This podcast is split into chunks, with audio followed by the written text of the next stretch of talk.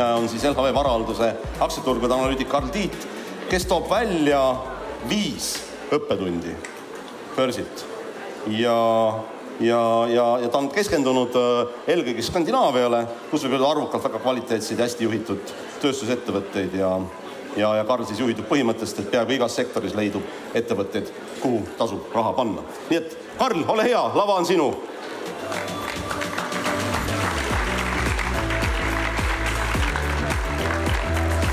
Ütlesin, ütlesin õigesti, et neid slaide saab ka siit ja. saalis inimesed saavad kätte, eks ole ju Äh, tundub, et slaidid vist on otsas saanud. ah, slaidid on otsas. ehk siis. ai, ai, ai, ai. saage naabriga sõbraks, äkki saate jagada. jah, just ja tehke pilti, okei okay.. Mm -hmm. nii, aga tere kõigile, minu nimi on Karl Tiit, töötan LHV Varahalduses aktsiaturgude analüütikuna et ma olen eelkõige spetsialiseerunud isiklikult Skandinaavia regioonile, aga mitte ainult, et ma olen elu jooksul vaadanud väga palju erinevaid ettevõtteid, alustades Ehm, USA videomängutööstusest kuni Hiina erakoolideni välja, nii et me ei piiritlenud mitte ühegi regiooni, mitte ühegi sektoriga. kus iganes me võimalusi näeme, sinna me vaatame. Mm, kauplemine, investeerimine on ühelt poolt mu töö, teisalt ka mu hobi. ma kauplen ka ise väga aktiivselt ja täna ma näitangi teile viite enda isiklikult tehtud tehingut. Ma näitan teile, mida ma tegin, mida ma tol hetkel mõtlesin, kuidas nende tehingutega läks ja mida sealt õppida võiks. nii, aga hakkame siis vaikselt peale minu esimene näide on üks USA naftapuurija nimega Halliburton. Halliburtoni äri näeb välja selline, et ähm, kui leitakse mingisugune maalapp, kust loodetakse naftat leida, siis saadetakse sinna Halliburtoni meeskond, kes skännib seda maad ja vaatab, kas ja kui palju seal üldse naftat on. Ähm, siis nad leiavad sobiva koha, kuhu puurida, puurivad augu ja hakkavad naftat välja pumpama. nüüd selleks, et seda investeeringut paremini mõista, tuleb vaadata ajas natukene tagasi kuskil kahe tuhande kümnendate aastate kandis oli naftasektor hästi kuum. nafta hind oli hästi kõrge ja sellistel firmadel oli palju motivatsiooni, et naftat välja pumbata, sest kasumid olid hästi kõrged. aga sellises keskkonnas kipub tihti juhtuma see, et ähm, ettevõtted lähevad ahneks. Nad kipuvad üle investeerima. Ja nii juhtus ka seekord. Nad ostsid liiga palju puurimistehnikat, pumpasid liiga palju naftat ja tõid sellega nafta hinna langusesse nüüd kuskil kahe tuhande kaheksateistkümnenda aasta lõpus hakkas mulle tunduma, et see sektor võib-olla on oma tsükli peale teinud. et hästi palju niisama seisvat puurimistehnikat on müüdud vanarauda, naftahinnad hakkavad vaikselt jälle tõusma ja puurimistehnikast hakkab puudus tekkima. ühesõnaga mulle tundus, et see sektor hakkab vaikselt normaliseeruma, tervislik keskkond hakkab taastuma. Ma võtsin siia positsiooni, siia märgitud rohelisega aga tuleb välja, et ma olin siin tegelikult liiga varajane. Ehm, aktsia hind jätkas stabiilset langust. Õnneks oli mul siin määratud stop loss, mis automaatselt selle positsiooni paari kuu pärast maha müüs. ma kaotasin selle tehinguga kolmkümmend protsenti. tagantjärele vaadates võiks öelda, et ma pääsen siit kõigest kriimustustega, sest asi läks veel palju hullemaks. aga ikkagi oli see üsna valus õppetund ja siit ka minu esimene õppetund, et kui te ootate selliste suurte makrotrendide pöördumist, kui te üritate mingis sektoris põhja tabada, siis peab olema väga ettevaatlik, sest sellised suured muutused võtavad tihti oodatust palju kauem aega. sellistel juhtudel tasub alati esiteks hoida panused väiksemana ja teiseks kasutada stop-lossi. kui ma ei oleks siit kolmekümne protsendi pealt kaotust vastu võtnud, oleks see õppetund mulle veel kallimaks läinud. ja üleüldse tegelikult kahjumite võtmises ei ole mitte midagi häbeneda. Kapitali peabki kaitsma ja stop-loss on selleks väga hea vahend teine näide on üks maailma suurimaid kullakaevandajaid nimega Barrick Gold. kuld on minu portfellis üks fundamentaalse tähtsusega investeering ja üks võimalus sellele metallile panustada on ostes neid samu kullakaevandajate aktsiaid. kui kulla hind tõuseb, läheb ka nendel ettevõtetel hästi. Ehm, nüüd ma ostsin Barrickut esimest korda koroonakriisi põhjas ja kõik oleks olnud väga hästi, kui asjad olekski nii jäänud aga kullast oli seal minu jaoks nagu kinnisidee. ma olin sellesse ideesse kuidagi liiga armunud seega iga kord, kui kulla hind natukenegi langes, siis ma kasutasin seda ära, et seda positsiooni juurde osta. kuniks see positsioon muutus mu jaoks liiga suureks ja mis veelgi hullem, kuna isiklikult kaubeldes kasutan ma üsna palju optsioone, siis äh, väga paljud ostud siin aegusid minu jaoks tegelikult väärtusetuna. ja siit ka minu teine õppetund, kui oluline on teha plaan, kirjutada päriselt ülesse, miks te seda ettevõtet ostate, mida tol hetkel mõtlete tasub läbi käia ka mõned stsenaariumid, et mis hetkel te seda positsiooni müüa tahaksite või mis tingimustel oleks nõus seda ettevõtet juurde ostma. ning lisaks ainult üleskirjutamisele tuleb sellest päriselt ka kinni pidada. turgudel ei loe mitte ainult teie intelligents ja teie nutikus, vaid ka psühholoogiline pool ja distsipliin. nii et alati tehke plaan, kirjutage ülesse ja jääge selle juurde kolmas näide on üks äh, väga lahe Rootsi meditsiinitehnoloogia tootja nimega Gettinge. Gettinge toodab igasugu meditsiinitehnikat, ta toodab operatsioonisaali tehnikat, kanderaame, kanüüle ja nii edasi ja nii edasi. ühesõnaga hästi-hästi lai tooteportfell. nüüd, mis muutis Gettingi huvitavaks, oli see, et nad toodavad ventilaatoreid mäletate, kunagi oli selline pandeemia nagu koroona ja tol hetkel olid ventilaatorid väga kuum kaup. praktiliselt kõik maailma haiglad koputasid neile mingi hetk uksele ja soovisid neilt ventilaatorid osta. nüüd Getting on üks selline näide, mida me tegime LHV pensionifondidega. me ostsime seda esimest korda siin koroonakriisi põhjas ja ma hakkasin seda ettevõtet väga teraselt jälgima. ma tegin selle ettevõtte juhtkonnaga mitu kõnet ja meile sai üsna kiiresti selgeks, et see on tegelikult väga hästi juhitud ettevõte mulle meeldis Gettigemi puhul see, et ähm, nad olid, nad suutsid väga kiiresti kohaneda. Nad said kohe aru, et kõige olulisem tootegrupp on ventilaatorid, suunasid kogu oma fookuse sinna. ja nad suutsid oma tehased hästi kiiresti niimoodi ümber ehitada, et nende tehaste ventilaatorite tootmisvõimekus lausa kolmekordistus. et väga hea näide kvaliteetsest juhtimisest ja kiirest kohanemisvõimest. seega me otsustasime seda ettevõtet juurde osta. ja see on nüüd oluline koht sest tõusnud aktsiaid on alati emotsionaalselt väga raske juurde osta. see on kuidagi inimloomuses see hirm lolliks jääda. et nüüd, kui ma seda aktsiat ostsin, siis ta hakkab kohe-kohe langema, see on täiesti loomulik. Õnneks oli meil piisavalt külma närvi, me sõitsime selle aktsiaga pikalt kaasa. siin tipus müüsime pool positsioonist maha, teenisime selle tehinguga sada nelikümmend viis protsenti tootlust ja selle ühe otsusega seda tõusnud aktsiat juurde osta teenisime LHV pensionikogujatele kaks miljonit eurot lisaks. nii et ähm, siit ka minu kolmas õppetund, et kui te leiate mingisuguse väga kvaliteetse aktsia, millesse te väga usute, siis peab olema valmis seda juurde ostma, isegi siis, kui ta on juba tõusnud. ma tean, see on emotsionaalselt raske, see on täiesti loomulik, aga investorite viga ongi tihti see, et langenud aktsiaid on lihtne osta, aga tõusnud aktsiaid ei taheta enam puutuda. Tegelikult saab sealt väga head tootlust, sest ähm, aktsiad tõusevad põhjusega ja head asjad ongi põhjusega teistest kallimad. neljas näide on jällegi üks väga huvitav ettevõte nimega Eneti ehk siis endise nimega Scorpio Bulkers. selle näitega peame vaatama jällegi ajas natukene tagasi, kui selle ettevõtte nimi oli veel Scorpio. Nad olid ühed maailma suurimad laevaoperaatorid. Neil olid sellised kuivainete transportimise laevad, millega veeti mööda merd näiteks sütt, näiteks puitu, igasugu metalle.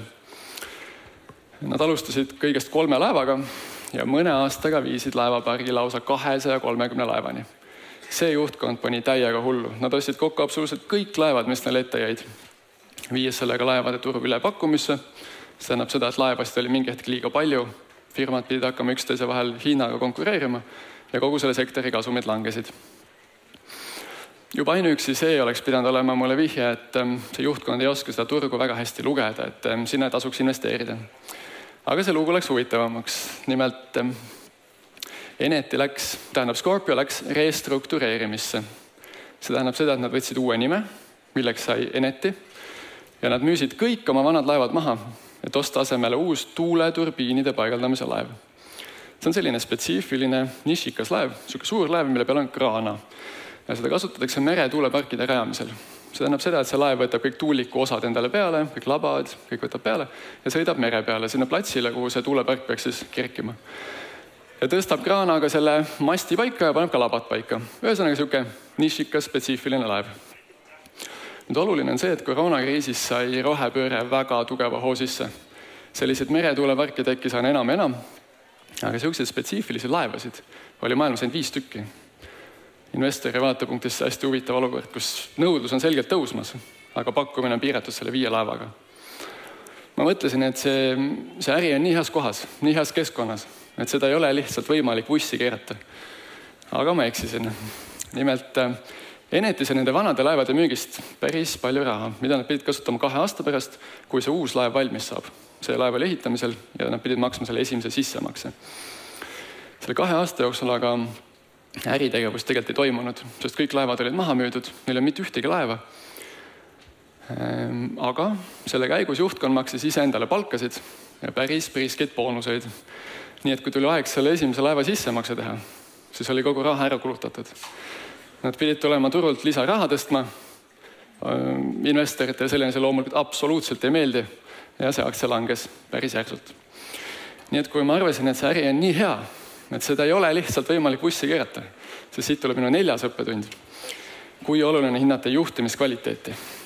halvad juhid lähevad teile kalliks maksma mm.. Ehm, tegelikult neil oli juba eelmise firma aegadest olid sellised punased lipukesed üleval, et see ettevõte ei oska investorite rahaga väga vastutustundlikult ringi käia ma ei pööranud sellele piisavalt tähelepanu ja see läks mulle kalliks maksma. nii et alati pöörake tähelepanu juhtimiskvaliteedile. halvad juhid lähevad kalliks maksma. meie viies näide on kaks meditsiinitehnoloogia ettevõtet nimega Stryker ja Smith and Nephew. Nad on hästi-hästi äh, sarnased ärid. Need mõlemad toodavad igasugu meditsiinitehnikat, näiteks igasugu monitore, mida te haiglates näete aga mõlema jaoks on ka oluline äri implantaatide tootmine. Need on siis näiteks sellised titaanist puusaliigesed või igasugu kruvid, mida traumade ja luumurdede puhul kehasse pannakse. ühesõnaga hästi-hästi sarnased ärid. nüüd aga, kui me vaatame, kuidas nendel kahel ettevõttel viimase viie aasta jooksul läinud on, siis me näeme, et Stryker on tõusnud sada protsenti, samal ajal kui see oranž joon siin, Smith and Nephew, pole peaaegu üldse tootlust pakkunud.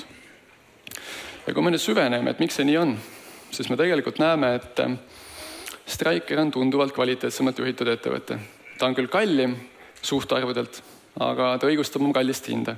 sellepärast, et ta kasvab kiiremini, ta teenib kõrgemaid kasumeid ja ta on üleüldse kuidagi heas mõttes agressiivsem, heas mõttes janusem uute äh,, uute äriliinide leidmisel ja innovaatilisem uute toodete turule toomisel. ehk siis Stryker on hea näide ühest väga kvaliteetselt juhitud ettevõttest ja siit tuleb ka minu viies ja pikaajalisele investorile võib-olla kõige olulisem õppetund. et äh, meie töö investoritena on leida need sektori kõige-kõige paremad aktsiad, need pärlid ja lasta neil oma tööd teha. tihti on need ettevõtted teistest kallimad, aga nad õigustavad oma hinda, sellepärast et head ettevõtted ületavad konkurente isegi rasketel aegadel.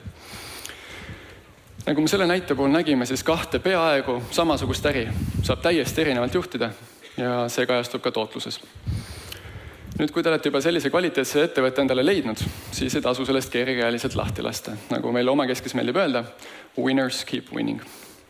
see on minu poolt kõik, aitäh.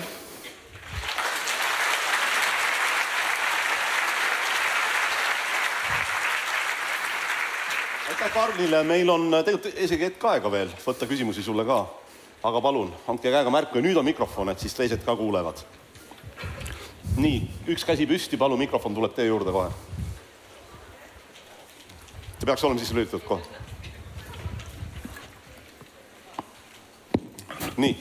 nii, tere, esmalt aitäh, minu nimi Teele äh,. tahtsin küsida, et ähm, näitasid väga palju erinevaid variante nii headest kui ka natukene võib-olla kooliraha kogemustest. kuidas sina vaimselt saad hakkama sellega, et äh, nii-öelda kellegi teise rahaga siis investeerides, kui tulevad need nii-öelda madalseisud, et ähm, kuidas sa enda töös sellega hakkama saad? aitäh. väga huvitav küsimus, et eh, ütleme nii, et teiste rahaga ma olen tunduvalt vastutustundlikum et minu riskiisu riskitaluvus, ma arvan, on tunduvalt kõrgem kui tavainvestoril. Ehm, ja sellest tulenevalt ma arvan ka, et klientide rahaga me oleme palju paremat tootlust näidanud, kui ma siin enda isiklike kogemustega näitasin. sul kaotused olid sinu enda rahaga, jah? Need kaotused olid minu enda rahaga, välja arvatud see ketting, jah. et eh, tihti on elus ju niimoodi, et kaotustest õpitakse rohkem kui võitudest, on ju. palju palju sul lubatakse kaotada? ma ütlen no, LHV poolt. ei lubatagi aga me ei kaota ka nii, ma nägin seal sektori, väga tublid olete, te olete, hakkate küsima, kohe tuleb, kohe tuleb teile mikrofon ka ja ma, jah, aga ma võtan need, kes esimesena on. esimesena siis hästi, naisterahvas, jah. tere. kas see töö, jah, töötab? Äh, minu teada Eesti turul stop-loss'i ei ole. või? ma ei oska öelda. ma arvan, et on ikka. on või? ma arvan küll, see on lihtsalt, see on, seda nimetatakse tegelikult limiithinnaga orderiks. aa, okei. aa, okei. okei. selge. ehk siis, siis on mu küsimusele vastus olemas. vot kui lihtne siis äh, tegelikult see, tegelikult esimesena esitas see härrasmees käe vist, et selle, tema selja taha. palun, kohe mikrofon ka, siis ma pööran pilgu siiapoole. meil on aega nii palju kui neli minutit. ja väga huvitav oli. Äh, öelge, kas te pöörate tähelepanu ka Nasdaqi liikumisele ja äh, kus te ammutate selle kohta informatsiooni, on teil mõni selline portaal, kus te loete või, või? et mulle tundub, et see on nagu oluline? Ehm, me pöörame tähelepanu väga paljudele turuindeksitele, kõige olulisematele nende seas ka Nasdaq absoluutselt. Ehm, üldiselt me loeme hästi palju uudiseid, me jälgime üleüldse turuinfot, selle jaoks on väga hea näiteks Yahoo Finance, igasugu börside kodulehed, näiteks USA börsil Nüse, Tallinna börsil OMX Tallinn, ehm, sealt saab väga head infot, ettevõtete enda pressiteateid, aruandeid aga mm, hästi palju tuleb ka igasugu uudisteportaalidest ja üks vihje ka võib-olla, kes jälgivad oma ettevõtet terasemalt, siis analüütikutena me alati registreerime end oma ettevõtte meililisti. Need on teie ettevõtete kodulehtedel kindlasti olemas ja siis nad saadavad teile alati meili, kui nendega seoses mingisugune suurem uudis või sündmus välja tuleb. et siis te olete kõige kiiremini up to date. nii, üks praktiline küsimus kohe Tiit mikrofon, ma arvan, et me selle jõuame ilusti läbi. vaatame kui pikalt äh,. kuidas te stop loss'i sätite? noh, mõned võib-olla sellised. kuhu ja? ja väga hea küsimus. mina olen enda jaoks läbi mõelnud, et ma panen tavaliselt kas kahekümne või kolmekümne protsendi peale, nagu mul siin mõnes näites läbi kajas. ja üks asi ka, millele võib mõelda, on ajalised stop loss'id. et hästi palju on selliseid aktsiaid, mida me nimetame surnud veeks või seisvaks veeks mis ei liigu üles ega alla. seesama Orange Graphics siin näiteks. et ähm, kui te ostate ähm, seda aktsiat, mis näiteks ütleme ühe-kahe aasta jooksul pole liikuma hakanud, siis oleks mõttekas võib-olla kapitalt sealt välja võtta ja panna kvaliteetsemasse aktsiasse, mis päriselt tõuseb ka mm. -hmm. viimane küsimus. jah, nüüd läheb sinna siis jah, nii viimane küsimus, palun sealt minu küsimus selline, suur aitäh meeldiva ettekande eest. Äh, mis on võib-olla need mõned äh, võlud ja valukohad, et mida sa treidides oled õppinud, et kuidas paremini siis treidida tulevikus ja need õppetunnid, mida siis endaga võiks tulevased treiderid kaasa võtta siit? aitäh. ma arvan, minu top üks võib-olla õppetund või selline soovitus, mida ma siin küll ei näidanud, aga on see, et pidada treidimispäevikut panna päriselt ka Excelisse kirja, mida te ostsite, mis hinnaga, mis teie tees sellega on, kuna te seda müüa soovite, kus teil stop loss on, kust hakkate kasumit võtma. alguses ma olin laisk, ma ei viitsinud seda teha. aga mingi hetk, kui kaotused nii valusaks läksid, siis ma olin sunnitud seda tegema. ja ma arvan, et see võis olla mu, ma hakkasin seda tegema, ütleme kaks-kolm aastat tagasi. ja see parandas märkimisväärselt mu tootlust et päriselt ka panna kirja ja siis on alati koht, kuhu tulla tagasi, kuhu vaadata, et miks ma selle tehingu tegin, kas midagi on muutunud et äh, lasta enda emotsioonidest võimalikult vähe mõjutada. aitäh, Karl Tiit.